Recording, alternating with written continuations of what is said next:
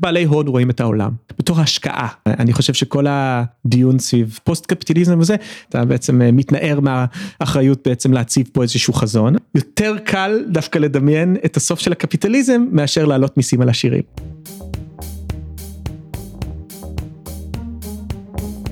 המצב הפוסט-אנושי, פודקאסט על טכנולוגיה, תרבות ורוח, עם דוקטור כרמל וייסמן.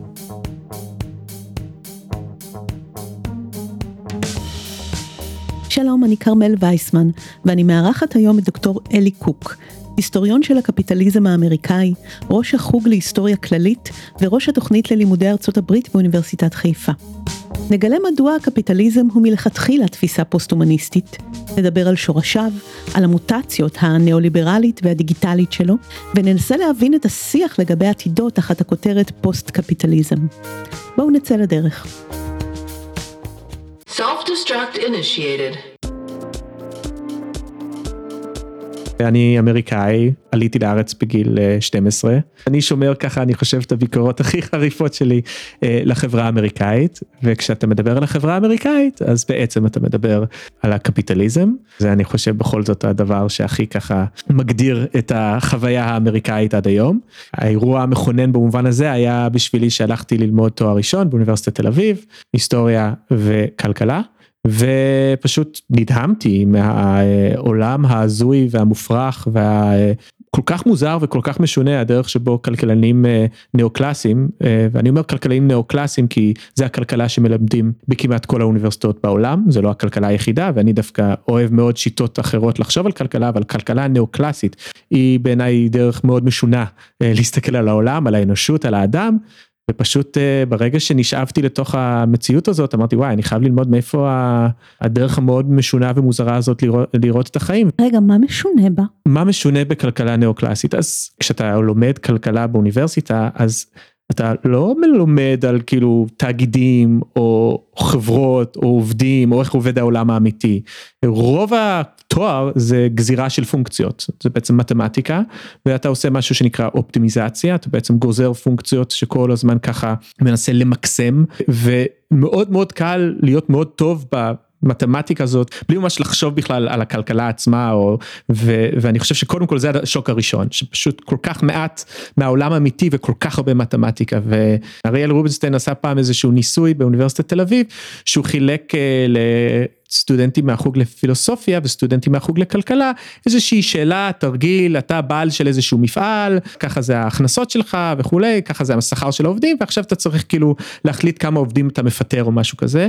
והפילוסופים אתה יודעת כל אחד כזה חשב על צדק וכולי ופיטר איזשהו כמות של אנשים והכלכלנים פשוט גזרו את הפונקציה כי זה מה שלימדו אותם ויוצא שאת העובד האחרון הם פיטרו בגלל דולר. זה מה שנקרא ערך שולי כלומר תמיד זה אתה יודע אז אם יש לך עובד שהתפוקה שאתה יכול לקחת ממנו זה דולר פחות ממה שאתה צריך לשלם לו, לא שווה, אז מעיפים.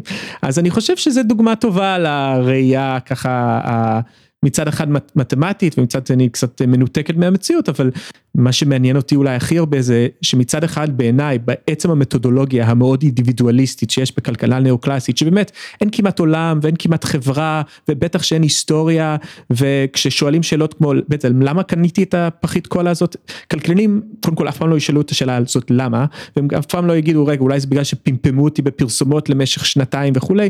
לא הם פשוט מניחים את זה כברור מאליו אתה רצית קולה ולא שואלים למה ובעיניי זה כאילו פשוט מתודולוגיה שבעיניי יש בה צדדים אידיאולוגיים ברורים, כלומר יש פה איזושהי דרך להסתכל על העולם שמטיב עם בדרך כלל פתרונות שוק, אה, עכשיו אפשר לקרוא לזה גם ניאו-ליברליזם, אבל תשאלי כל כלכלן, ובאמת כמעט כל כלכלן, אחד הדברים שמאחד אותם זה שהם יגידו מה פתאום, הדרך שבו אני חוקר את העולם, על זה שאני מסתכל על אנשים כפרטים ממקסמי אה, תועלת אינדיבידואליסטים, זה, זה לא אידיאולוגי, זה, זה מדעי, כלומר מה פתאום אתה קורא לזה אידיאולוגי, הם גם נעלבים ממני, הם מאוד נפגעים מזה, ואני חושב שהחוסר יכולת שלהם לראות את ההשלכות האידיאולוגיות או אפילו יש פה עניין היסטורי אני אספר לך סיפור. מאמר הראשון שכתבתי על היסטוריה של מחשבה כלכלית בשביל כתב העת של מכון ון ליר, הזמן הזה, פעם ראשונה שממש כתבתי בעברית, היה על רעיון בעיניי מאוד מרכזי בכלכלה, וזה החוק, כי בכלכלה את יודעת יכולים להיות חוקים, זה כמו חוקי טבע, וזה היה מה שנקרא חוק התפוקה השולית, The Law of Marginal Productivity. ובגדול החוק הזה שהומצא על ידי כלכלן אמריקאי בסוף המאה ה-19, ג'ון בייטס קלארק, הוא אה, אה, הסתכל על העולם בסוף המאה ה-19, ממש כותב במבוא של הספר שלו, שקוראים לספר The Distribution of Wealth, אה, מאוד מאוד מוטרד מהעלייה של השמאל, מהעלייה של רעיונות סוציאליסטיים, הוא אומר שהשמאל בעצם טוען שבעצם מנצלים אנשים, כלומר שבעצם אה, לא כל מה שאני מייצר אני בעצם מקבל בחזרה, והוא כותב שם במבוא של הספר שהחוק הזה שהוא גילה, החוק של התפוקה השלילית, שהמטרה העיקרית שלו זה להראות לכם שהסוציאליזם הוא, זה לא נכון, כלומר מדעית זה לא נכון, שהשוק הוא בעצם מקום מאוד צודק, שבסופו של דבר, בגלל התחרות, בגלל איך שהשוק החופשי עובד, כל אחד מרוויח בדיוק את מה שהוא ייצר, עד השקל האחרון. אם תשאלי את רוב הכלכלנים שעדיין מניחים את ההנחה הזאת, לא בצורה כל כך קונקרטית, אבל בסופו של דבר, אם את מסתכלת למשל על המודלים של אי שוויון של כלכלן, תשאבי כלכלן, למה בן אדם אחד עשיר ואחד עני? בגדול הוא יגיד שאם הבן אדם הזה הוא, יש לו כישרון או יש לו יכולת, הוא למד הרבה באוניברסיטה, כל הדברים האלה, מה זה הביא לו? זה הביא לו בעצם יכולת לייצר יותר, ולכן הוא מרוויח יותר, כלומר בסופו של דבר התלוש שלך, התלוש משכורת בסוף החודש, משקף את התרומה שלך לאנושות. מניחים את זה כמו ברור מאליו, כלומר זה מבחינתם, לא, לא צריך אפילו לשאול למה. הם לא יודעים את ההיסטוריה של מאיפה בכלל הרעיון הזה מגיע. אז אני, אני מביא את זה בתור דוגמה לגם כאילו למה אני מתעניין בהיסטוריה של המחשבה הכלכלית, כי אני חושב שזה חושף בהרבה מובנים את ה, אה, מה שהיום אנחנו חושבים עליו כמדעי, איך בעצם יש לו שורשים אידיאולוגיים, אבל יותר מזה גם איך אה, הרבה מההנחות שיש בתוך הכלכלה הנאו-קלאסית, זה לא הנחות שהוכיחו אותה מדעית, וגם ההפך, כלומר אני חושב שיש מחקרים מרתקים שמראים שזה לא נכון, ואני חושב שרק בקורונה עכשיו ראינו שהעובדים החיוניים בסוף, אלה שבאמת היינו צריכים לתפקד, אה, אף אחד לא אמר אוי לא, אני חייב עכשיו את המנהל קרן גידור, אחרת החברה הישראלית לא תתפקד, או אני חייב חייב עכשיו את הייטקיסט שעובד על האלגוריתם שיודע אה, ככה לשפר בעשירית אחוז את הקליקים שלי בגוגל, אז, אז לא, גילינו שמי שבאמת חשוב זה הנהגי אוטובוס, ומי שבאמת חשוב זה האנשים שמסדרים את האוכל בסופר, ו, וכמובן אלו גם האנשים שמרוויחים הכי מעט בחברה. זה בדיוק מסוג הדברים שמצד אחד אני רב 40 כלכליים בגללם, כי אה, אני מנסה להראות להם שזה לא מקרי,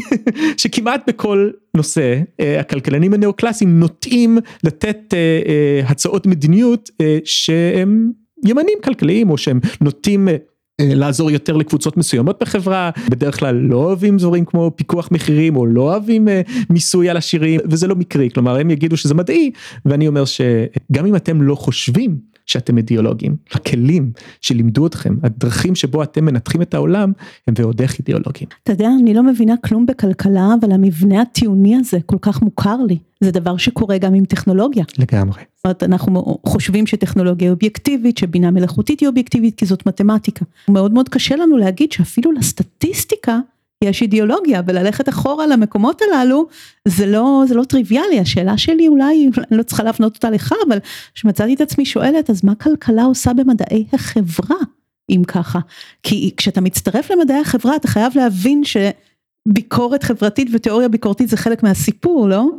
שאלות מעולות. קודם כל אני אגיד שמה שאמרת עכשיו זה הסיבה שכל הספר הראשון שלי ובעצם הדוקטורט שלי אחרי שעשיתי תואר ראשון נסעתי להרווארד ועשיתי דוקטורט בהיסטוריה על ההיסטוריה של מדדים כלכליים. השאלה שניסיתי לענות אליה זה שאלה ש... שאת שאלת עכשיו זה איך בעצם כאילו אנחנו יכולים לראות איך בתוך המדדים האלה, בתוך הסטטיסטיקות, בתוך המספרים, הם מוטבעים ראיות עולם מסוימות אה, אובייקטיביות ובסופו של דבר הדרך שבו אנחנו סופרים דברים, הדרך שבו אנחנו מכבדים דברים זה הדבר הכי פוליטי שיש, הדבר הכי אידיאולוגי שיש, הדרך שבו אנחנו בוחרים מה לבחור אה, אה, לכמת ומה לא לכמת וכולי וכולי. אבל אם אנחנו מסתכלים על ההיסטוריה של, של מדעי החברה, אני חושב שהבעיה היא בעצם בניסיון הזה לומר שיש כזה, שקודם כל אפשר בכלל ליצור מדע של החברה, כמו שיש חוקי חוקי טבע כמו חוקי הגרביטציה אז יש חוקי טבע כמו החוק ההוא שהזכרתי והיום אני חושב שמה שרואים במדעי החברה בסופו של דבר הכל זה כאילו דאטה ומתחיל מהדאטה ואם אין לך דאטה אז אתה סתם עיתונאי או שרלטן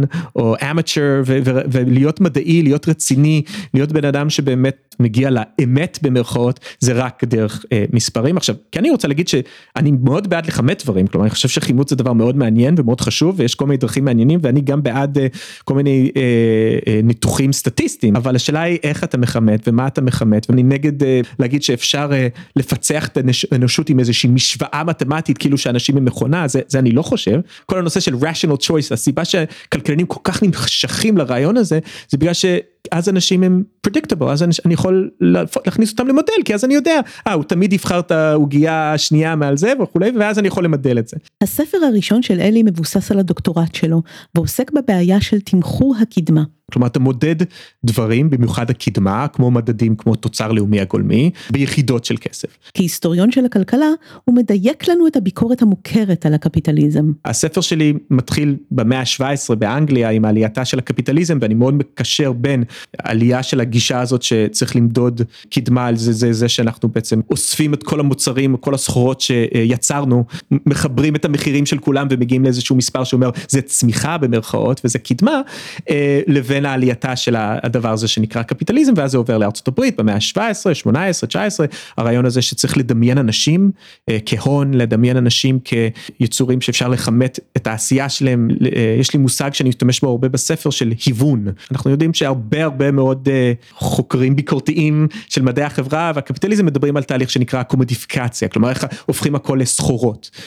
אני ניסיתי לדייק קצת יותר בעניין הזה ובקפיטליזם זה לא רק שאתה הופך אנשים לסחורות, אתה מהווה לכוון אותם, אתה מתחיל לראות את כל העולם וגם בני אדם בתור השקעה. השקעה אחת גדולה שאמורה להניב תשואה והתשואה הזאת אותו תוצר לאומי גולמי זה בעצם הקדמה וזה הדרך שבו בעלי הון בגדול מסתכלים על העולם כהשקעה אחת גדולה וכשמתחילים מושגים כמו הון אנושי זה בעצם הניסיון שהם לכפות עלינו את ההיגיון ההיווני הזה של בעצם אני הולך להסתכל עליך למדוד אותך את היכולות שלך את הרצונות שלך וגם את ההצלחות שלך רק לפי כמה ככה כסף אתה מייצר וכולי. אז אה, דוגמה אחת שאני אוהב לתת זה הדוגמה סביב הוויכוחים סביב אה, אה, מלחמת האזרחים בארצות הברית ובעצם הצפון שהוא כמובן נגד העבדות והדרום שהוא בעד בתחילת המאה ה-19 שמתווכחים על איזה חברה טובה יותר איזה חברה מוצלחת יותר הם מסתכלים על מדדים מאוד מעניינים מספר הספריות מספר המלומדים מספר אנשים שנמצאים בבתי כלא שיודעים קרוא וכתוב כלומר קראו לזה מדדים מוסריים moral statistics. ובעצם מה שקורה לקראת סוף המאה, אמצע המאה ה-19 זה העלייה של הקפיטליזם בארצות הברית, אתה רואה שממש הוויכוח השפה של האליטות בשני הצדדים משתנה ועכשיו גם הצפון וגם הדרום מדבר על עבדות טוב או רע, לא מה זה עושה לבני אדם, במיוחד מה זה עושה לשחורים, אלא מה זה עושה לתוצר הלאומי הגולמי, כלומר הדרום בעצם מתחיל להגיד אה, שבעצם כל הכותנה שמצליחים לגדל, תראו אם אני מכמת את זה זה יוצא ככה וככה דולרים וכולי, והצפון אומר כן אבל בעצם אתם לא יעילים וזה בעצם לא כזה יעיל, התפוקה שלנו בלי עבדים יותר גבוה, כלומר מה שקורה וזה בעצם אולי הלב של הסיפור שלי, זה שבמקום שהדיון יהיה סביב איך החברה, איך הקפיטליזם משפיע על בני אדם, מה זה עושה להם, אה, אנחנו הופכים מלהיות המטרה להיות אמצעי, והמטרה היא בעצם צמיחה ולהגדיל את העוגה הכלכלית ולייצר עוד ועוד אה, הון, בעיקר לא לנו אלא לבעלי ההון שהם הבעלים של רוב הרכוש אה, וכולי, אז, אז הדוגמה הזאת של, של מלחמת האזרחים זה בדיוק זה, כי בהתחלה דווקא בדרום אפילו הם הרגישו צורך להצדיק את העבדות בזה שיגיד שטוב לשחורים. תראו מה קורה לשחורים בצפון ש, שבעצם אף אחד לא דואג להם שאתה זורק אותם לעולם, לעולם של שוק אה, קפיטליסטי חופשי שבו אה, אף אחד לא אחראי עליהם כלומר יש פה איזשהו פטרנליזם וכולי. 20 שנה אחרי זה בשיא שכאילו הקפיטליזם שני הצדדים כבר לא מדברים בכלל בשפה הזאת שניהם בכלל השחורים הפכו להיות אמצעי כולנו הפכו להיות אמצעי והדרך למדוד את החיים הטובים זה בכלל דרך אה, כמה אה, כסף אנחנו מצליחים לייצר. ואני חושב שבסופו של דבר זה מגיע ללב הביקורת שלי אולי על על הקפיטליזם זה שאני לא נגד שווקים ואני לא נגד אה, כסף וההבדל הכי גדול בין כסף להון זה שכסף יכול להיות אמצעי. אתה יכול אה, לרצות כסף בשביל אה, אה, לקנות דברים שיגרמו לך להרגיש יותר טוב או שיהיה לך בית וכולי. הון זה משהו אחר. הון זה, זה בעצם אה, הרעיון שאני אקח כסף ואני אצא לזה עוד יותר כסף. כלומר אה, הכסף הופך להיות לא אמצעי אה, אלא המטרה בפני עצמה, זה בעצם תשואה, המטרה בפני עצמה. ובעצם הספר שלי מנסה דרך המדדים האלה להראות שזה בעצם מה שקורה בחברה הקפיטליסטית, וזה לא אומר שהכל רע, לפעמים קורה שהצמיחה הזאת של התשואה דווקא חופף גם עם אה, שיפורים משמעותיים באנושות, ואני חושב שהיו תקופות כאלה אנחנו לא נמצאים באחד כזה היום לדעתי, אבל היו תקופות כאלה. אבל בסופו של דבר הבעיה היא פה ש, שאתה נותן למדדים האלה אה, להפוך להיות אה, לא, לא רק הגדרה של קדמה, אלא גם המטרה כאילו במדיניות הרבה פעמים. כלומר, מה, מה שאנחנו צריכים לעשות כחברה זה, זה למקסם תשואה. אני מסיים את הספר בזה באיזושהי גם ביקורת, כי יש גם חבר'ה שאומרים בוא נשנה את המדדים. כלומר, בואו פשוט נתחיל לעבוד עם מדדים אחרים, מדדי עושר, ותמיד נותנים דוגמה של בוטן, איזה מדינה במזרח חמודים. מדהים שככה הממשלה שלהם מודדת כאילו את האושר שלו וזה לא כזה פשוט כלומר זה נורא תמים להגיד אני רק אחליף את המדדים כלומר זה לא מקרה מקרי שזה המדדים שלנו זאת טעות. זה לא ששוב זה השיח הזה של אוי מדדנו לא נכון כי זה הרבה פעמים כלכלנים לא זה, בחברה קפיטליסטית אה, שהמטרה שלה זה מקסום של אה, רווחים אז ברור שהמדד של האנושות תהיה אה, תשואה של הון. ואתה לא יכול פשוט להתעורר בו ככה לא בוא נעשה את זה אחרת וזה פשוט אה, יקרה. כלומר אי אפשר פשוט להגיד אוי בוא נשנה את המדדים והכל יהיה טוב, אלא אם אנחנו באמת לא מרוצים מהככה מדדים האלה אז אנחנו צריכים לשנות את החברה כולה. הביקורת הזאת מתקשרת יפה לפרק 8 בפודקאסט עם חוקרת העושר ענת פנטי. שם הכרנו את המדדים החדשים האלה, כלכלנים כמו תומאס פיקטי שמנסים לעבור אליהם, וגם את הסיפור של בוטן. אבל אלי חושב שאי אפשר פשוט להחליף מדד. הבעיה העמוקה יותר היא הלוגיקה הזאת של הכימות. מה המטרה של אוניברסיטה? בחברה קפיטליסטית, המטרה של אוניברסיטה זה לא לייצר אה, אזרחים אה, חכמים יותר או ביקורתיים יותר, ככה יהיה להם יותר ידע בשביל לקבל החלטות דמוקרטיות יותר, לא, איך מודדים אם אוניברסיטה היא טובה? אתה מסתכל מה המשכורות של העובדים האחרים יוצאים משם, כלומר, האם הצלחתי לקחת את הבני אדם האלה, את החומר גלם האנושי הזה, ובעצם אה, אה, להשקיע בו במרכאות את ההון האנושי, את אותה שפה, שבעצם יאפשר להם אחרי זה לייצר כסף לשוק. זו צורת מחשבה ש, שהיא לאט לאט חודרת לעוד מאוד כיסים בתוך החברה. אם כן, הקפיטליזם הוא מלכתחילה תפיסה פוסט-הומניסטית, כי אין שם הסתכלות על האדם כתכלית על פי מסורת הנאורות, אלא יש איזה zoom out על המסה האנושית כהשקעה.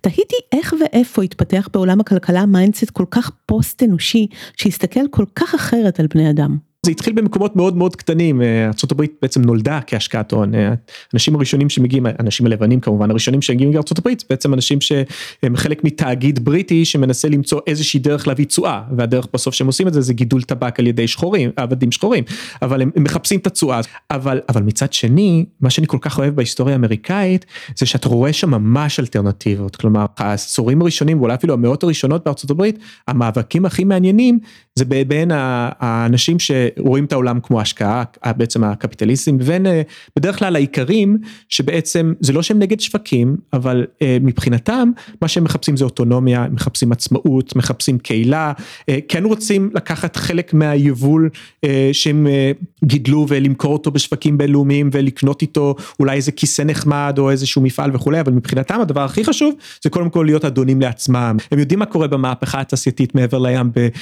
באנגליה, הם יודעים מה קורה בתוך המפעלים וממש ממש ממש לא רוצים שהדבר הזה יבוא לארצות הברית וכולי. מבחינתי זו הייתה אחת האלטרנטיבות ו, ורואים אותה לאורך כל ההיסטוריה האמריקאית כלומר אני יכול עכשיו לקפוץ לסוף המאה ה-19 שאותם uh, צאצאים של האיכרים האלה נלחמים נגד ה-Wall uh, Street ונגד כוחות ההון הגדולים שבעצם מנסים דרך uh, העולם הפיננסי והמשכנתאות להפוך uh, את החוות שלהם ממשהו שכמו שאמרתי הוא אפשר להיות בשוק אבל אתה לא חייב להיות בשוק כלומר uh, uh, אתה יכול למכור אולי כשבא לך חלק מהאקסטרה יבול שלך בשביל קצת כסף אבל כל המהות שלך הוא לא למקסום רווחים וכולי ובעצם מה שקורה בסוף המאה ה-19 דרך משכנתאות ודרך דרך חוב, החוב זה חלק מאוד משמעותי הרבה פעמים מהקפיטליזם זה החוב זה כשברגע שיש עליי חוב ברגע שאני חייב כסף למישהו עכשיו אין לי ברירה אלא להתחיל לחשוב כמו קפיטליסט עכשיו אני חייב חייב למקסם כסף כי עכשיו אני בדיוק כמו אמנם זה לא כסף בשבילי אבל אם אני עכשיו בגלל שמחיר האדמות עלה או בגלל שעכשיו אה, אני חייב. אה, הלוואה מוול סטריט בשביל, בשביל בכלל לקנות uh, קצת אדמה ואת הקומביין שאני צריך לגדל קצת חיטה, אז, uh, אז עכשיו אני חייב לייצר כמה שיותר חיטה ואני בתחרות עם אחרים ואני חייב את הכסף הזה כי אני חייב לשלם את החוב. אז אז גם חובות והדרך שבו הרבה פעמים אנשים נשאבים לתוך העולם הזה זה לא שהם לא רצו את זה זה לא שאנשים בחרו את זה אלא זה דרך החוב. אבל אני בהחלט חושב שאפילו בהיסטוריה של הקפיטליזם אתה כל הזמן רואה המון המון אנשים שנאבקים בגישות האלה וכמובן עד היום אבל לצערי גם אנחנו כן רואים ככה כרסום שאפשר להגיד שאחד הדרכים אולי להגדיר את הניאו ליברליזם שזה תקופה אה, היסטורית שלדעתי התחילה באמצע שנות ה-70 בארצות הברית זה שהיא מצליחה לכבוש דרך הראייה ככה המקסום רווחי הזה הכלכלי הזה אה, עוד ועוד ויותר אה, מחוזות. אבל בעצם שאלת על על ההתחלה של כל הסיפור הזה ומה היה לפני. אני חושב שאחד הדברים שאני חייב לעשות בספר זה פשוט להראות לאנשים איך בעלי הון רואים את העולם. בוא, בוא ניכנס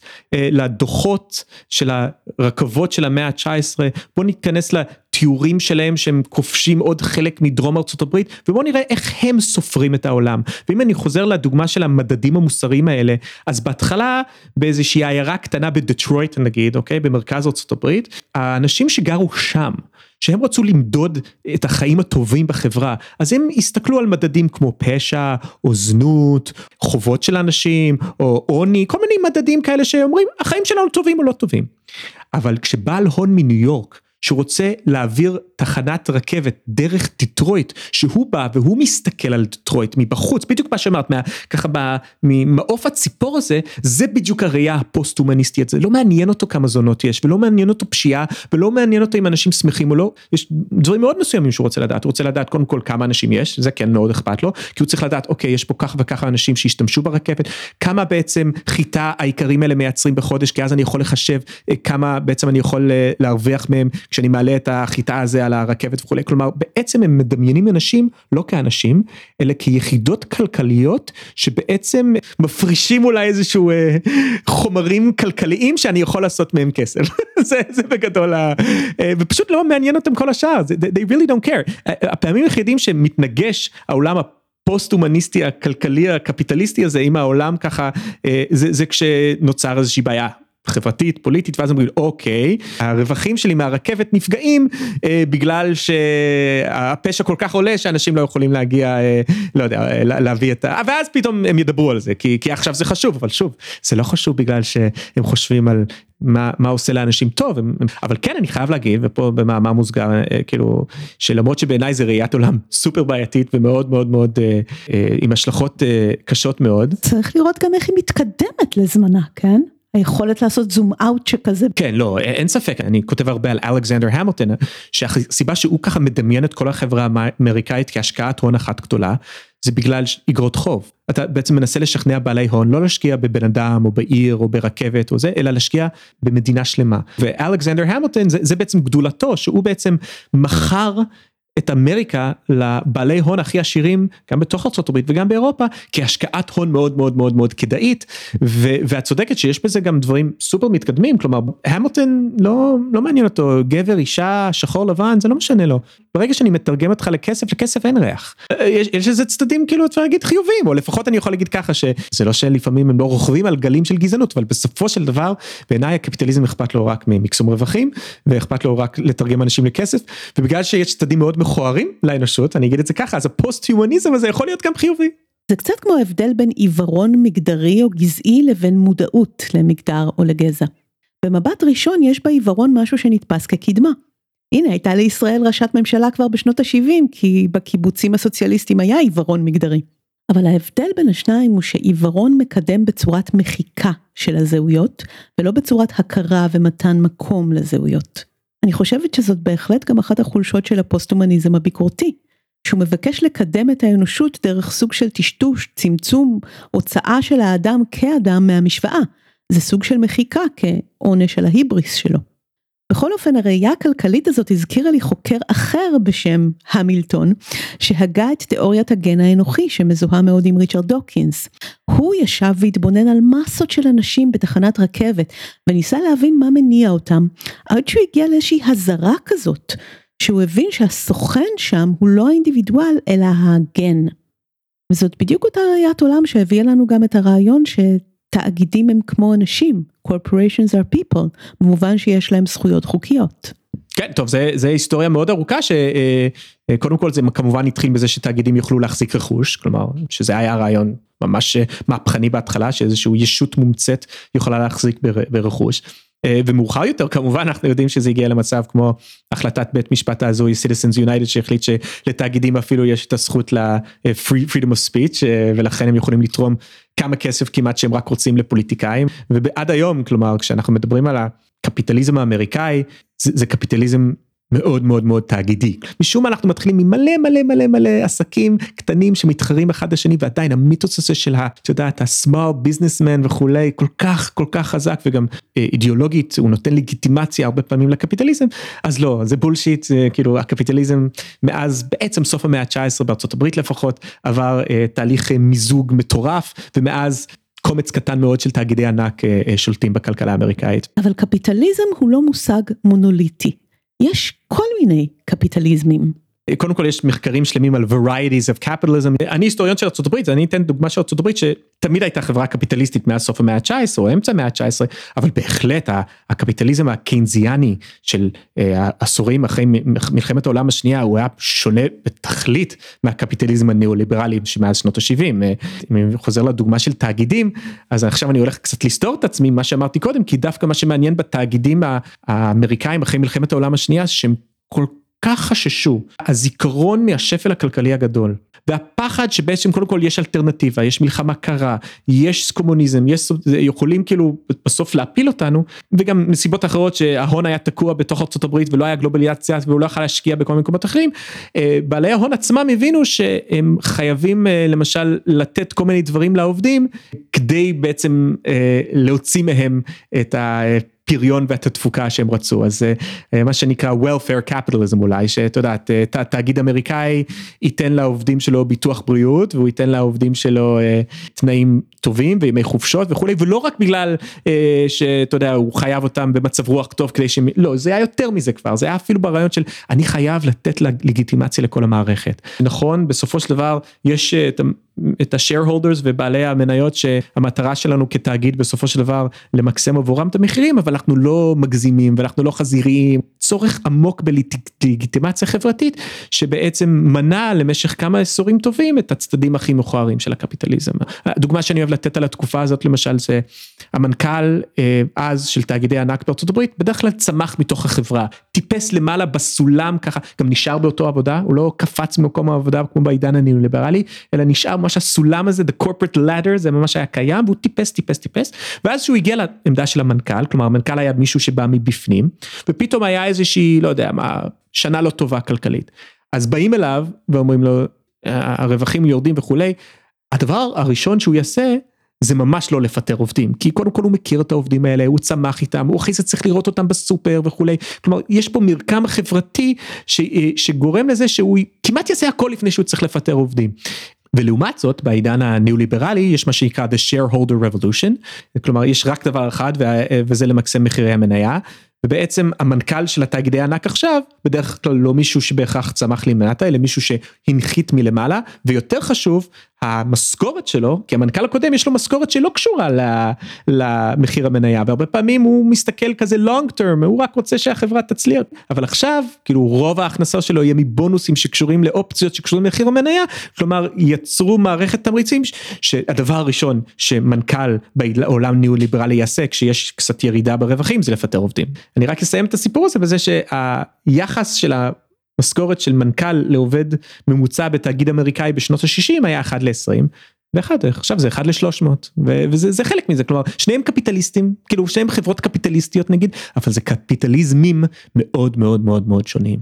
מבחינה פוליטית תמיד זה אתגר מתי אתה ככה בא ולהגיד יש פה בעיות שורשיות בקפיטליזם עצמו ומתי אתה בעצם מדגיש יותר את הביקורת על הניאו-ליברליזם, כלומר סוג מסוים מאוד של קפיטליזם וכמה שהוא בעייתי וכולי, ואני חושב שאפילו בעידן הזה של ארה"ב משנות ה-40 עד שנות ה-60, אה, אם האינטרנט היה, ואני מאוד מצטער שזה לא קרה, כי אם האינטרנט היה נולד אז אני חושב שזה היה נראה אחרת לגמרי. אני חושב שיש סיכוי מאוד טוב שהיו מסתכלים על טוויטר מהיום הראשון שלו או על פייסבוק this is a, this is a national utility מה שנקרא. זה משהו שהוא זה מונופול טבעי ובארצות הברית כנראה לא ילאימו את זה אה, באירופה כן אבל בטוח היו אה, עושים רגולציות מאוד מאוד מאוד מאוד מאוד חזקות. אז אה, אין ספק שלא תמיד צריך ללכת לאיזושהי עולם פרי קפיטליסטי או איזושהי אוטופיה. אפשר גם למצוא ואני נולדתי ב-81, אני לא מכיר שום דבר חוץ מהמציאות הניאו-ליברלית, אבל בהחלט אפשר לחזור כמה עשורים אחורה, ויש אחלה רעיונות, אפילו משנות ה-40, ולמצוא פתרונות לדעתי מעולים גם לבעיות הטכנולוגיות של היום. כלומר העתיד יכול להיות העבר,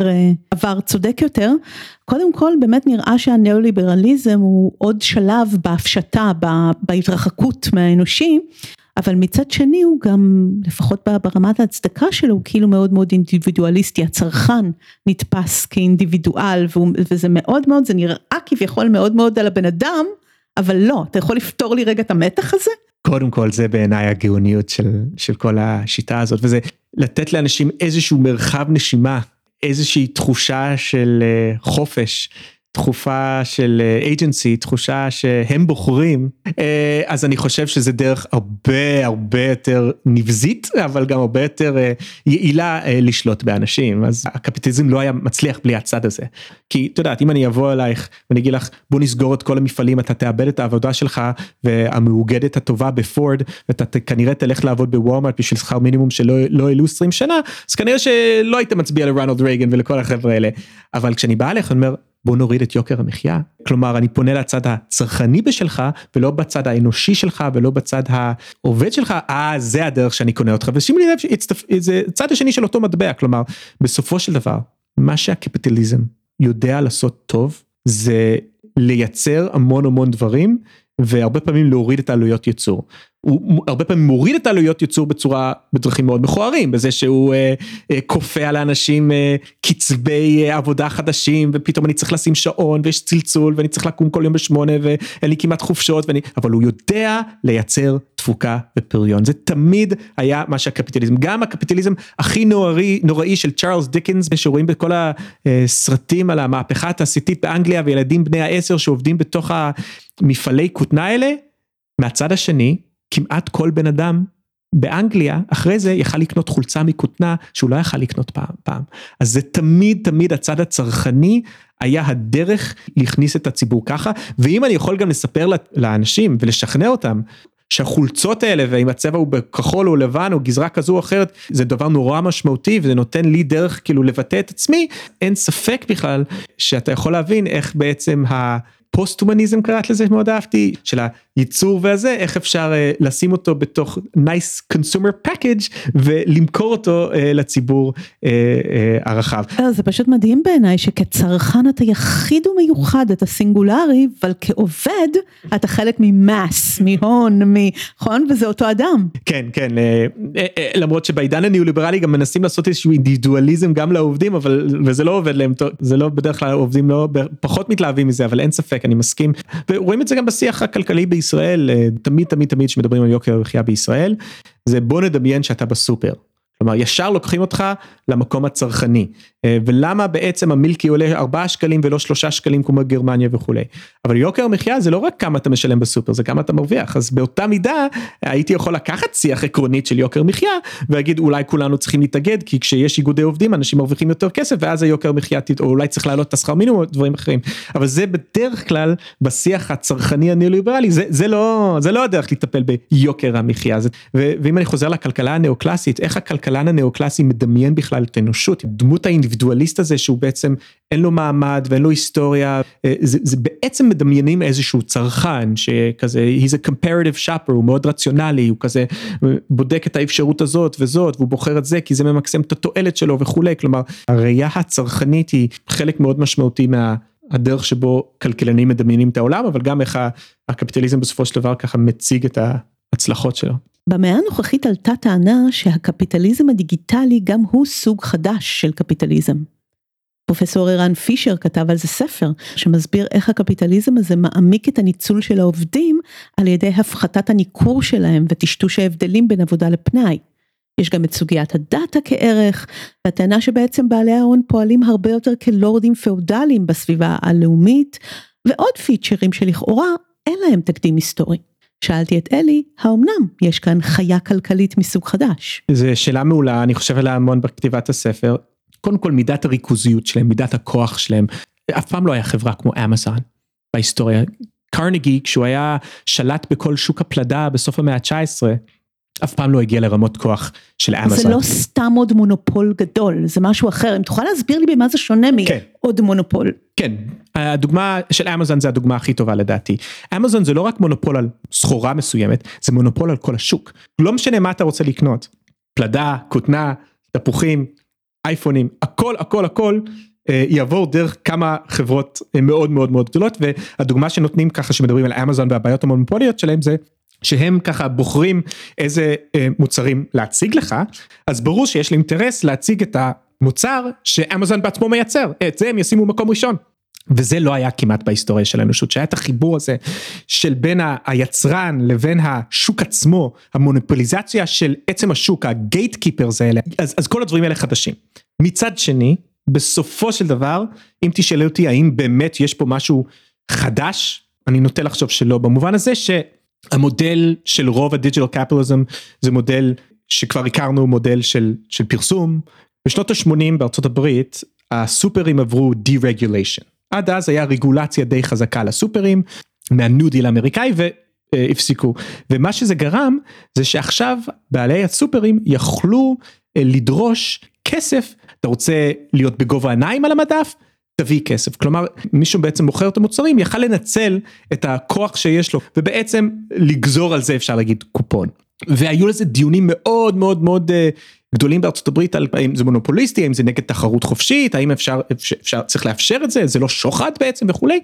אה, וכמובן הכלכלנים הנאו-קלאסיים לקחו את המודלים הכלכליים שלהם אמרו לא זה יעיל. אני קורא לזה שוק יעיל בשוחד. אבל אה, אם אני קופץ קדימה למה בעצם המודל של גוגל המודל של גוגל בסופו של דבר הוא די דומה לזה. כלומר מי שמרבה במחיר באוקשנים האלה שיש כל שנייה מי שישלם מחיר בכסף אז הוא יופיע במקום הראשון בדף וכנראה תעשה קליק עליו ולא על הבן אדם הרביעי. אני יודע שזה לא רק זה שמ... אבל את יודעת זה חלק מאוד משמעותי מזה אז במובן הזה אני מסתכל על זה אני אומר אין פה באמת משהו חדש כלומר בסופו של דבר יש בו איזשהו. כוח של מתווך במקום מאוד מאוד מאוד מאוד אסטרטגי אה, בין מי שמייצר את המוצרים לבין אלה שרוצים לקנות אותם אז במובנים האלה אני חושב אה, אפשר לראות במגמה שהתחילה עוד הרבה לפני. אני חשבתי על איזה ציר אחר של חידוש שבאמת בעבר יכולנו לבחור בין כמה סוגים אפילו במשווק כזה אז אני יכולה ללכת לסופר הזה ולא לסופר הזה. וכרגע יש כאן תאגידים שאנחנו חיים בתוכם הם הופכים לשירותים חיוניים הם הופכים לתשתיות שאני חושבת הרבה פעמים דווקא לא דרך המטאפורה של חברה כלכלית אלא דרך המטאפורה של מדינה. הפלטפורמה היא מדינה עבורי אני יותר אזרחית שלה מאשר לקוחה שלה. אני לא רוצה להיות לקוחה אני לא לקוחה מרוצה אבל אני כאילו חייבת להיות שם כמו שאני חייבת לשלם מיסים ולהוציא דרכון לשטח מסוים ובמובן הזה אני חושבת שיש משהו חדש מבחינת תחומי האחריות שיש לחברות כאלה שלא היו לחברות בעבר הם סוג של קרקע דיגיטלית חדשה מהבחינה הזו. אני חושב שאני מסכים איתך. אני מנסה כמובן לחשוב על איזושהי השוואה היסטורית וברור שהייתי יכול לתאר עכשיו מה שנקרא company towns שזה היה אנשים במאה ה-19 שעבדו בשביל איזה תאגיד ענק התאגיד הזה בנה להם שכונה וכשהם היו הולכים לסופר או למכולת שם אז הכל היה בבעלות התאגיד והמחירים בהתאם ואם קיבלת העלאה בשכר אה, יום אחרי זה היו מעלים את המחירים וכולי ובעצם היית פשוט בתוך העולם הזה ובאמת האנשים אולי גם משווים את זה לדברים כמו פאודליזם וכולי אבל uh, השוואה היסטורית בעיניי לא היא לא מחזיקה מים. כלומר בסופו של דבר רוב האמריקאים לא עבדו ב company towns האלה ואני מסכים איתך שיש משהו בגוגל פייסבוק אמזון האלה שזה חיה קצת אחרת. ההשוואה לסופרמרקט מעניינת אבל זה בכל זאת מצב שבו יש בכל העולם רק סופר אחד ובאשר לפלטפורמות המדיה החברתית הצרכן הוא גם סוג של עובד עבורן אם לוקחים בחשבון את הטראפיק והדאטה שהוא מייצר ומתרגמים להכנסות לחברה. אז האנלוגיות שלנו הן חלקיות בלבד ויש באנלוגיות חלקיות סוג של התחמקות מלייצר המשגה חדשה גם. כן כן זה נכון שלפעמים לתת uh, השוואות היסטוריות זה זה בעצם מראה על איזשהו חוסר דמיון אתה הולך לעבר כי אתה פשוט לא יכול לדמיין יותר uh, ואני חושב שכל הדיון סביב פוסט זה ופוסט זה פוסט זה זה מראה בעצם שאנחנו מאוד מתקשים uh, לדמיין את העתיד בלי פשוט להגיד אה זה הדבר שבא אחרי מה שיש עכשיו. אז הגענו באופן טבעי לדבר על המושג הזה פוסט קפיטליזם מה בא אחרי. לפני כמה שנים פנו אליי מכון ון ליר וביקשו ממני להיות חלק מאיזושהי קבוצה של חוקרים שחוקר את הפוסט קפיטליזם ואני חייב להגיד שברגע ששמעתי את המושג הזה פוסט קפיטליזם זה היו, היו לי רגשות מעורבים כלומר it's a bit of a cop out כמו שאני אומר באנגלית כלומר אתה בעצם מתנער מהאחריות בעצם להציב פה איזשהו חזון אה פוסט קפיטליזם לפעמים בוא נגיד יותר נוח לי לדבר על עולם פוסט ניאו ליברלי כלומר לדבר על עולם שחוזר לדיון שהיה לנו קודם על הקפיטליזמים היותר מוצלחים וזה נורא נורא חשוב לפתוח לאנשים את הראש לגרום להם לדמיין אלטרנטיבות גם לחדד יותר מה זה בכלל הקפיטליזם אם אתה צריך לחשוב על מה זה הפוסט קפיטליזם זה תרגיל מחשבתי מעולה. יש רגעים שמבחינה פוליטית וכולי נגיד סתם דוגמה כשיצא עיתון הארץ כותרת במוסף פוסט קפיטליזם וזה לרגע ראשון קצת הופתעתי כי אני מכיר קצת את עיתון הארץ ויש שם הרבה אנשים שהם די ניאו ליברליים וזה אמרתי וואו איזה קטע שמחבקים את הפוסט קפיטליזם הזה בואו נדמיין מציאות ואז כאילו בעצם אמרתי טוב אז בעצם זה אולי לא איום כי את יודעת מסוכן היה יותר כאילו אם הייתי מדבר על זה שצריך לאגד עובדים אז את יודעת אם הייתי מדבר על זה שעשירים צריכים לשלם יותר על הנדל"ן שלהם מה פתאום אבל אה אתה רוצה לדמיין עולם פה? יאללה בוא ניתן לשמאלנים האלה במכון ון ליר לעשות את זה. יותר קל דווקא לדמיין את הסוף של הקפיטליזם מאשר להעלות מיסים על עשירים. אז זה נשמע שהפוסט קפיטליזם הוא קצת כמו הפוסט הומניזם שבאמת אי אפשר לדמיין משהו שהוא לא אנושי ותמיד נאחזים באיזה באיזה רעיון על האנושי ואתה לא באמת בורח מהאנושי כשאתה מדבר על האנושי אז אתה אומר גם מהקפיטליזם אי אפשר לברוח אבל אני תוהה למה אי אפשר לברוח כי זו באמת שיטה שהומצאה מתישהו והאם הסיבה שאנחנו לא יכולים לדמיין זה כי הדברים שלפניה נתפסים כפיגור כחוסר קדמה כל מה שהיה לפני הוא לא הוא בהכרח לא טוב. שאלה מעולה אני חושב שהרבה פעמים יש ערבוב בין המהפכה המדעית וכל מיני שיפורים טכנולוגיים מטורפים לבין קפיטליזם כלומר הרבה מאוד אנשים חושבים שבעצם הסיבה שהאנושות חיה היום הרבה יותר טוב ממה שחיה פעם זה, זה רק בגלל הקפיטליזם. נותנים את כל הקרדיט לקפיטליזם על כל הדברים המדהימים שהאנושות עשתה ב-500 שנים האחרונות למרות שאני חושב שזה מצחיק להגיד אבל מדינת הלאום קמה בדיוק בתקופה הזאת גם אז למה, למה אנחנו לא נותנים את כל הקרדיט למדינת הלאום למה אנחנו אומרים וואו מדינת הלאום ממש הצליחה אה, להעלות את אה, תוחלת החיים ב-40 שנה וכולי וכולי אז כל מיני דברים כאלה. אה, הדמוקרטיה גם אגב אה, אז זה, זה חלק מזה עוד חלק ברור ברור זה כמה חרא אני אוכל מהקומוניזם ובאמת מהחברות הטוטליטריות הבאמת מזעזעות האלה שהיו אה, אה, במזרח אירופה וכולי. זה ברור לי זה הדבר הכי טוב שאי פעם קרה לקפיטליזם שכאילו לכאורה האלטרנטיבה היחידה היא אלטרנטיבה גם טוטליטרית וגם פחות מוצלחת מבחינת יעילות. יש גם משהו שצריך להגיד שהיו רגעים בהיסטוריה אה, שיכול להיות שבאמת צמיחה כלכלית זה היה דבר מאוד מאוד חשוב. למשל אני חושב שבמדינות מאוד מאוד מאוד לא מפותחות למרות שאני לא אוהב להשתמש במושג הזה לפעמים אבל צמיחה כלכלית ככה קלאסית קפיטליזם זה יכול יכול להיות טוב. כלומר אין לי ספק שאם עכשיו הרבה הרבה הון היה מושקע באפריקה ואפריקאים היו נכנסים למפעלים ונכון היו מנצלים אותם בצורה מזעזעת זה נכון אבל עדיין כנראה החיים שלהם בסופו של יום היה בהרבה מובנים אולי לא בטוח אבל אולי יותר טובים. מה שדי ברור היום זה שיש איזושהי רמה שאז אני באמת לא חושב שהקפיטליזם תורם הרבה. עוד דרך לחשוב לזה שאולי באמת קפיטליזם היה איזשהו צעד טוב לאנושות במאה ה-19 שיפר דברים אבל אוקיי עשה את שלו ועכשיו נתקענו עליו. בדיוק נתקענו עליו. וכמובן גם מרקס חשב ככה. כלומר מרקס חשב שהקפיטליזם זה מדהים to get rid of the idiocy of the village כמו שהוא קרא לזה ולמחוק את כל הדתיים ואת כל הגזענים וכל האנשים שמסתכלים על העולם בצורה פרה מודרנית וכולי. אז שהקפיטליזם היום ימחק את כולם אבל זה רק שלב ואז וקצת נתקענו בדיוק נתקע אני אוהב את הנתקענו הזה כי אני באמת חושב שזה הדיון היותר מעניין. אז אם אני אחבר את מה שאני מבינה מהדברים האלו, זה שהדיבור על פוסט קפיטליזם הוא סוג של עמימות שמאפשרת להתחמק מצעדי תיקון ואיזון קונקרטיים בתוך הקפיטליזם, ויש גם חשש לגעת בקפיטליזם כי הוא הפך מזוהה עם רעיון החופש, ונראה שכל זן אחר של שיטה יפגע בחופש שלנו למרות שזה כנראה לא ממש ככה. מעניין בעיניי במיוחד לחשוב על קפיטליזם בתור משהו שהתאים לזמן מסוים ולא ידענו מתי להפסיק אותו. אחד ההבדלים לפעמים בין טוב לרע הוא בממד הזה של הזמן או התזמון, שרע זה בעצם דבר טוב שנאחזנו בו יותר מדי זמן, סירבנו לשחרר אותו והוא הרכיב. לסיום ביקשתי מאלי לספר לנו על הספר שהוא כותב בימים אלה. קודם כל אני מרגיש שקצת דיברנו על הספר כבר, איך הקפיטליזם יוצר לגיטימציה ואיך הוא יוצר את הרעיון של חופש וכולי ואני כל הזמן חוזר לעניין של בחירה, choice, שזה כל כך מרכזי. הדרך שרציתי ככה לאתגר את השיח על בחירה זה שמה הכלכלנים בדרך כלל עושים או מה רוב מדעי החברה עושים, הם כל הזמן מנסים לנתח איך אנשים מקבלים החלטות, כלכלה התנהגותית וכולי, כלומר זה מתחיל מהפרט, הוא, הוא ככה in the driver seat, הוא ככה בשליטה, והוא הולך ככה לבחור כל מיני אופציות וזה זה חופש וזה אה, סוכנות כמו שאומרים. זאת הנחה של סובייקט הנאורות הקלאסי, נכון? גם אם אנחנו יודעים שהוא לא רציונלי עכשיו, אנחנו עדיין חושבים שחופש הבחירה שלו הוא קדוש. לגמרי, וזו נקודה קריטית גם בדיוק, הכלכלה ההתנהגותית אה, לא חושבת שאתה רציונלי, אבל עדיין הבחירה היא הכל. ודווקא מהכלכלנים ההתנהגותיים לקחתי מושג שאני מאוד מאוד אוהב, שזה מושג שנקרא באנגלית choice architects, אדריכלי בחירה.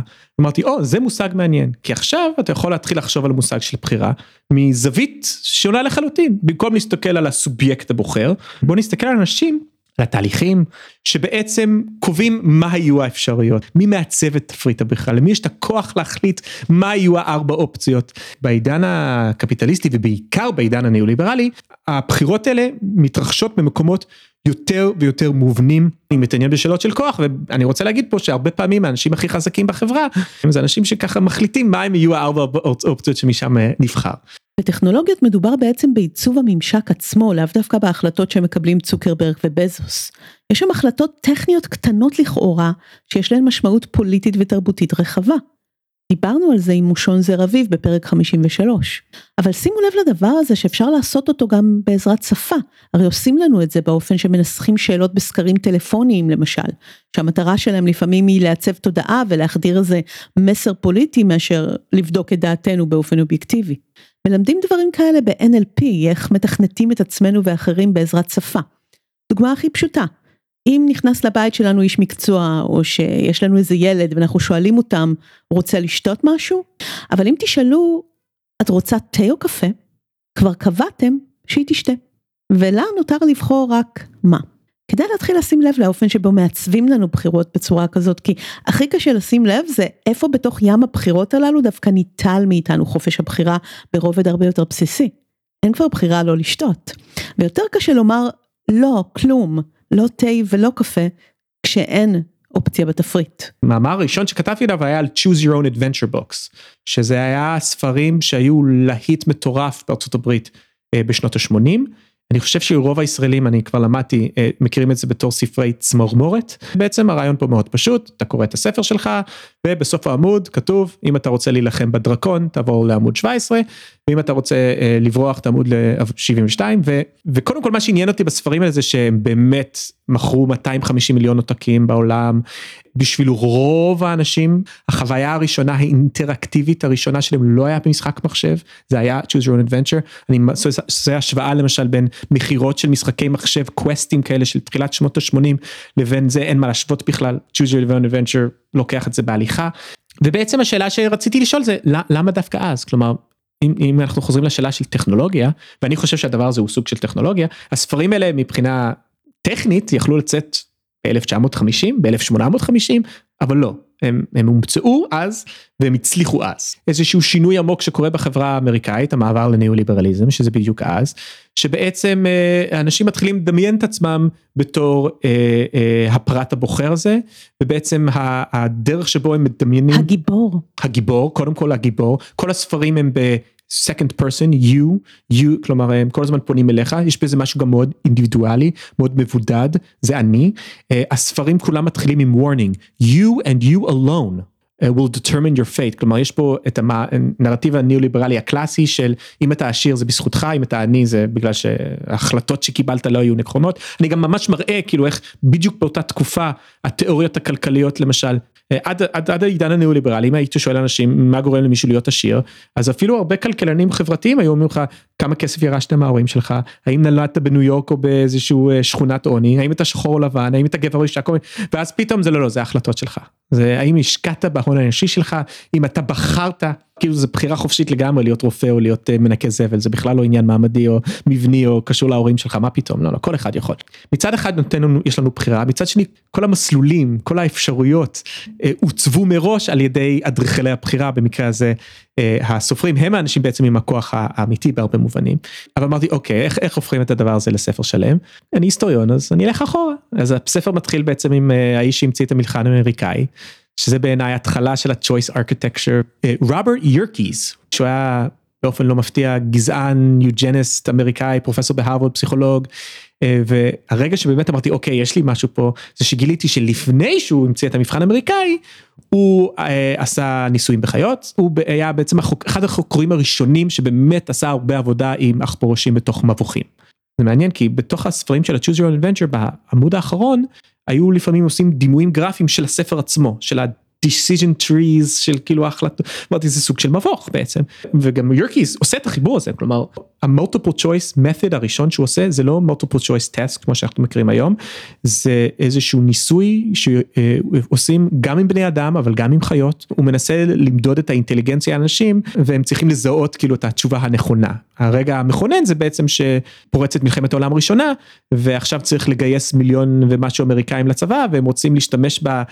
הפסיכולוגיה החדשה הזאת בשביל ככה לחלק אנשים וכולי והוא אומר אוקיי אפשר להשתמש בשיטה שלי אה, אבל בעצם כדי לעשות את זה במסות אז אנחנו כבר לא נושיב מישהו בתוך איזשהו choice box ככה אני קורא לזה איזשהו ניסוי אה, של בחירה אלא אנחנו נבנה אה, פשוט מבחן אמריקאי וכולי ומשם כמובן המבחן האמריקאי הופך להיות הדרך שמסליל את האמריקאים במבוך הזה שנקרא המציאות הקפיטליסטית שלכאורה אני חופשי לבחור הנה אני סימנתי א' ולא ג' אבל מצד שני אנחנו כבר יודעים יש מלא מחקרים שמראים שהם מבחנים אמריקאים הדבר שהם בעיקר יודעים לנבא זה המעמד הסוציו-אקונומי של ההורים שלך. ככל שנותנים לך יותר בחירות, כביכול יש לך יותר חופש, ואז אתה לא שם לב איזה דברים אין בתפריט, מה אתה לא יכול לבחור, או שאתה לא יכול לבחור שלא לבחור. אז אני אגיד, הביקורת היחידית שיש כאילו על כל העניין של בחירה בעשורים האחרונים בספרות, זה ה-choice overload. ביקורת שנשארת כאילו ברמה נקרא לזה הליברלית במובן הזה שהיא לא אומרת שבחירה זה רע, זה רק אוי לא, אם יש לך 17 סוגים של קטשופ אז זה לא טוב כי זה יוצר חרדות, גורם לי אה, לקיפאון וכולי וכולי. זה בעצם להכניס אותך למציאות ופוקו מדבר על זה וכל מיני הוגים אחרים, ניקולס רוז בספר על פרידום מדבר על זה, אה, we're not free to choose, we're obliged to choose, we're forced to choose, כלומר בסופו של דבר מה שאין לך בחירה עליו זה הבחירה לבחור או לא. ואגב, בארצות הברית רוב האנשים שעובדו בתאגידים אמריקאים עד שנות ה-80 היה להם פנסיה תקציבית, הם לא היו צריכים לקבל שום החלטה, לא היו צריכים לעשות שום בחירה, אוקיי? כל הסיכון היה למעסיק שלהם, הם פרשו בגיל 65, היו עושים חישוב, עבדת פה כך וככה שנים, ואתה תקבל עכשיו עד שתמות ככה וככה כסף, ואנחנו, החברה, אנחנו היינו צריכים להדאיג, לדאוג, להשקיע את הכסף הזה וכולי וכולי. ומה שקורה בעידן הניאו-ליברלי כמובן זה המעבר לפנסיה צוברת, ה-401k, שבעצם עכשיו אתה בוחר. ומצד אחד יש לך בחירה, ואתה יודע, העיתונאים הפיננסיים מתמלאים בכתבות בדה מרקר על למי הביא את התשואה הכי טובה, וזה יכול לכאורה חופש ובחירה וכולי, אבל מצד שני, איזה בעצם בחירה יש לי פה. לי זה גורם לחשוב על ה gig economy, שהרבה פעמים אתה שומע מאנשים בעבודות שאנחנו נראה אותם מהצד כמנצלות או פחות טובות, כמו להיות uh, באובר או שליח בוולט, אתה תשמע מהם את ההצדקה הזאת שאני בוחר, אני בוחר מתי אני עובד וכולי, זאת אומרת, אשליית הבחירה שם עובדת מאוד מאוד חזק על העצמאות הזאת ב gig economy. זה אפילו לא בגיג אקונומי, זה מדהים, אה, יש אה, סוציולוג ריצ'רד סטנט שאני מאוד מעריך ומאוד מאוד מאוד ממליץ אנשים לקרוא את הספרים שלו. הוא כתב את הספר הראשון שלו ב-1972, ואז את הספר הגדול השני הוא כתב בעידן הניאו-ליברלי. והוא פשוט מראיין עובדים. הוא יש קטע שהוא מראיין אה, אבא ואז אחרי זה הוא חוזר 30 שנה אחרי זה הוא מראיין את הבן שלו. והאבא היה עובד 30 שנה באותה חברה. ניקה את השירותים, he was a janitor, כאילו כמעט לא היה צריך לקבל החלטות, שום בחירה חופשית, אבל היה לו פנסיה תקציבית והיה לו ביטחון תעסוקתי והוא ידע, כאילו הוא כותב את זה ב-1972, הבחור הזה יודע בדיוק כמה כסף יהיה לו שהוא יפרוש, והוא בדיוק כאילו, הוא רואה הכל, יש לו מה שנקרא life narrative וכולי. ואז הוא מגיע לבן הניאו-ליברל, שכבר עבר 14 משרות בלא יודע מה, חמש שנים וכולי, והוא מדבר איתו על העבודה שהוא ממש אהב, שפיטרו אותו בסוף. והבן פשוט אומר משהו כמו, no, in the end, I, I take responsibility for that. It was my choice. Well, wait, was you, you got fired? It's like, no, no, it, I was free to choose. כלומר, אפילו כשמפטרים אותך, באיכשהו העידן הניאו-ליברלי, הצלחנו ליצור איזשהו נרטיב של, של בחירה פה. אבל כמובן, כמובן, כמובן, הסיפור היותר מעניין פה זה התפריטי בחירה. כלומר, איך, איזה מידע אתה מקבל לפני שאתה צריך להחליט אם אתה הולך לעשות את המשלוח הזה או לא, וכמובן אחרי זה כל הדרכים שבו הם יוצרים כל מיני תמריצים. שתבחר ככה ותבחר ככה. אגב יש לי גם פרק שלם על ה-5 star ratings והדרך כאילו גם בעיניי זה סוג של אדריכלות בחירה ואני uh, חוזר למאה ה-20 לשנות ה-20 uh, שהיה פסיכולוג תעשייתי וולטר דיל סקוט שהמציא את ה-employee rating כזה דירוג החמישה כוכבים כזה הראשון שבעצם הרעיון שלו היה שעובדים שהם לא עובדים ככה עם הידיים שאני יכול פשוט למדוד את התפוקה שלהם בזה שאני אספור אה, אה, כמה אה, לבנים הם הרימו בשעה אה, אנשים שהעבודה שלהם זה יותר מעמד בינוני או שהם יותר אה, עבודות בירוקרטיות או עבודות מנהל, של הנהלה או, או אפילו מכירות לפעמים או סיילס וכולי אני חייב הרי ליצור איזשהו מנגנון תמריצים שממספר אותם אז במקרה כזה מי שנכנס. בתוך תפריט הבחירה זה לא העובד אלא הבוס שלו שהוא בעצם אה, עכשיו זה גם אנחנו אבל הוא זה שצריך להחליט אם את היית 1 2 3 4 5 וכולי אז אה, אז אני מדבר גם על זה אני מדבר על האיש שהמציא את הכפתור לייק הראשון פרנק סטנטון שהיה הנשיא של CBS עשה דוקטורט בפסיכולוגיה בדיוק מהסוג הזה הרבה ניסיונות בבני אדם וכולי אה, אבל אחרי זה הוא מתחיל לעבוד ב-CBS והוא מכניס אנשים לחדר משמיע להם בדרך כלל מוזיקה לפעמים גם תוכניות ביד אחד יש להם כפתור ירוק ביד שנייה יש להם כפתור. כפתור אדום והוא מבקש מהם כל פעם שהם שומעים משהו that they like אז ללחוץ על הכפתור הירוק ואם הם שומעים משהו that they dislike אז ללחוץ על הכפתור האדום ואז הוא לוקח את הדאטה הזה של הלייק והדיסלייק והוא בונה כל מיני גרפים והוא מנתח כאילו את מה בדיוק היה באותו רגע בשיר וכולי והוא בעצם מנסה למכור את הרעיון הזה שאפשר יהיה להשתמש בדאטה הזה אה, לבנות גם תוכניות יותר טובות אבל גם אה, להביא את זה למפרסמים שהם יוכלו ככה אה, לדעת באיזה רגע כדאי להם להביא את הפרסום. בקיצור בהרבה מובנים מאוד דומה ל like button אה, שמגיע אחר כך. זה מסוג הרגעים שאני אומר digital capitalism לא כזה חדש אבל וזה אבל מאוד גדול זה לא הצליח ואני חושב שזה בדיוק ההבדל בין digital capitalism ואני מסביר את זה. לא היה לו big data. בדיוק. הסביבה האקולוגית עוד לא התאימה. בדיוק הוא היה לוקח אה, בעיקר נשים האמת היא 50 נשים כזה housewives משועממות מכניס אותם לחדר עושה את זה לשעה אבל הרעיון היה יותר רעיון אבל באמת אין לזה אה, אה, כמעט השוואה וכן ואחרי זה גם אני נכנס הרבה ל... עוד סוגים של אה, שיטות marketing של ניסויי בחירה, choice experiments, אה, שהיו מאוד פופולריים בשנות ה-70 וה-80, להראות לאנשים שני מוצרים שהם טיפה שונים, שוב ושוב ושוב, להריץ אלף כאלה, ואז בעצם לקחת את המידע הזה ולעשות דיקונסטרוקציה של מה בדיוק גורם לאיש הזה לקנות את המוצר הזה וכולי, אז ככה, שזה מאוד מאוד דומה לדברים שקורים ב...